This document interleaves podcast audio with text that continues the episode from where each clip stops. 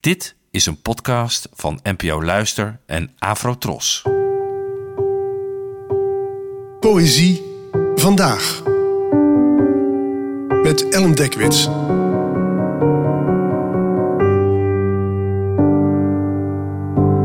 Hallo, fijn dat je luistert. Het gedicht van vandaag heet Stoel en werd geschreven door de Nederlandse dichteres Marije Langelaar, geboren in 1978. Stoel. Ik stond naast een tafel en het verontrustte mij dat ik zo alleen was. En opeens hoorde ik het kloppen. Erg zachtjes weliswaar, maar iets maakte zich kenbaar. Het was zo subtiel dat ik moest knielen.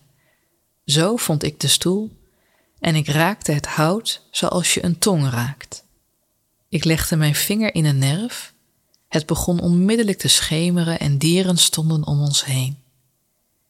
Inmiddels was ik al niet veel groter dan een speldenpunt en innerlijk dronken de stoel zond mij zijn gedachten. Vrij technisch, maar gevolgd door het ruisen van bomen voor even een seconde of drie werd ik stoel. Het was zalig, zalig, dat hout in mijn wervels, de klop in mijn been, een bestaan zonder bloed of gedachte, en stil te staan eeuwig, en opgetild, en altijd die functie, en een innerlijk waaien van de bomen afkomstig. In gedichten kunnen de gekste dingen aannemelijk worden gemaakt, zoals medelijden hebben met jonge sla of dromen dat je langzamer leeft dan een steen. En je kan met poëzie heel veel plezier hebben om zaken waarvan je nooit had gedacht dat je ze zelf zou kunnen bedenken. En eigenlijk is poëzie vaak ook gewoon pure denklol. En dat heb ik ook met dit gedicht van Marije Langelaar. Wat is hier hier aan de hand? Iemand voelt zich alleen en leidt zich af door te denken aan een stoel.